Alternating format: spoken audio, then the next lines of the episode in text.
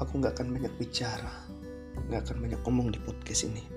Cuman aku mau bicara tentang ya lumayan banyak hal dengan banyak orang dengan banyak teman-teman berbagi pengalaman sharing di podcast ini.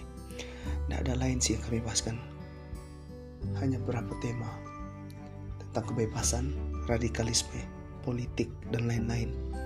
Karena bagiku dalam negara ini itulah yang paling penting podcast ini aku buat pun bukan untuk kesenangan pribadi tapi untuk memulai perjuangan dan pembelaanku tentang apa itu dinamakan prinsip.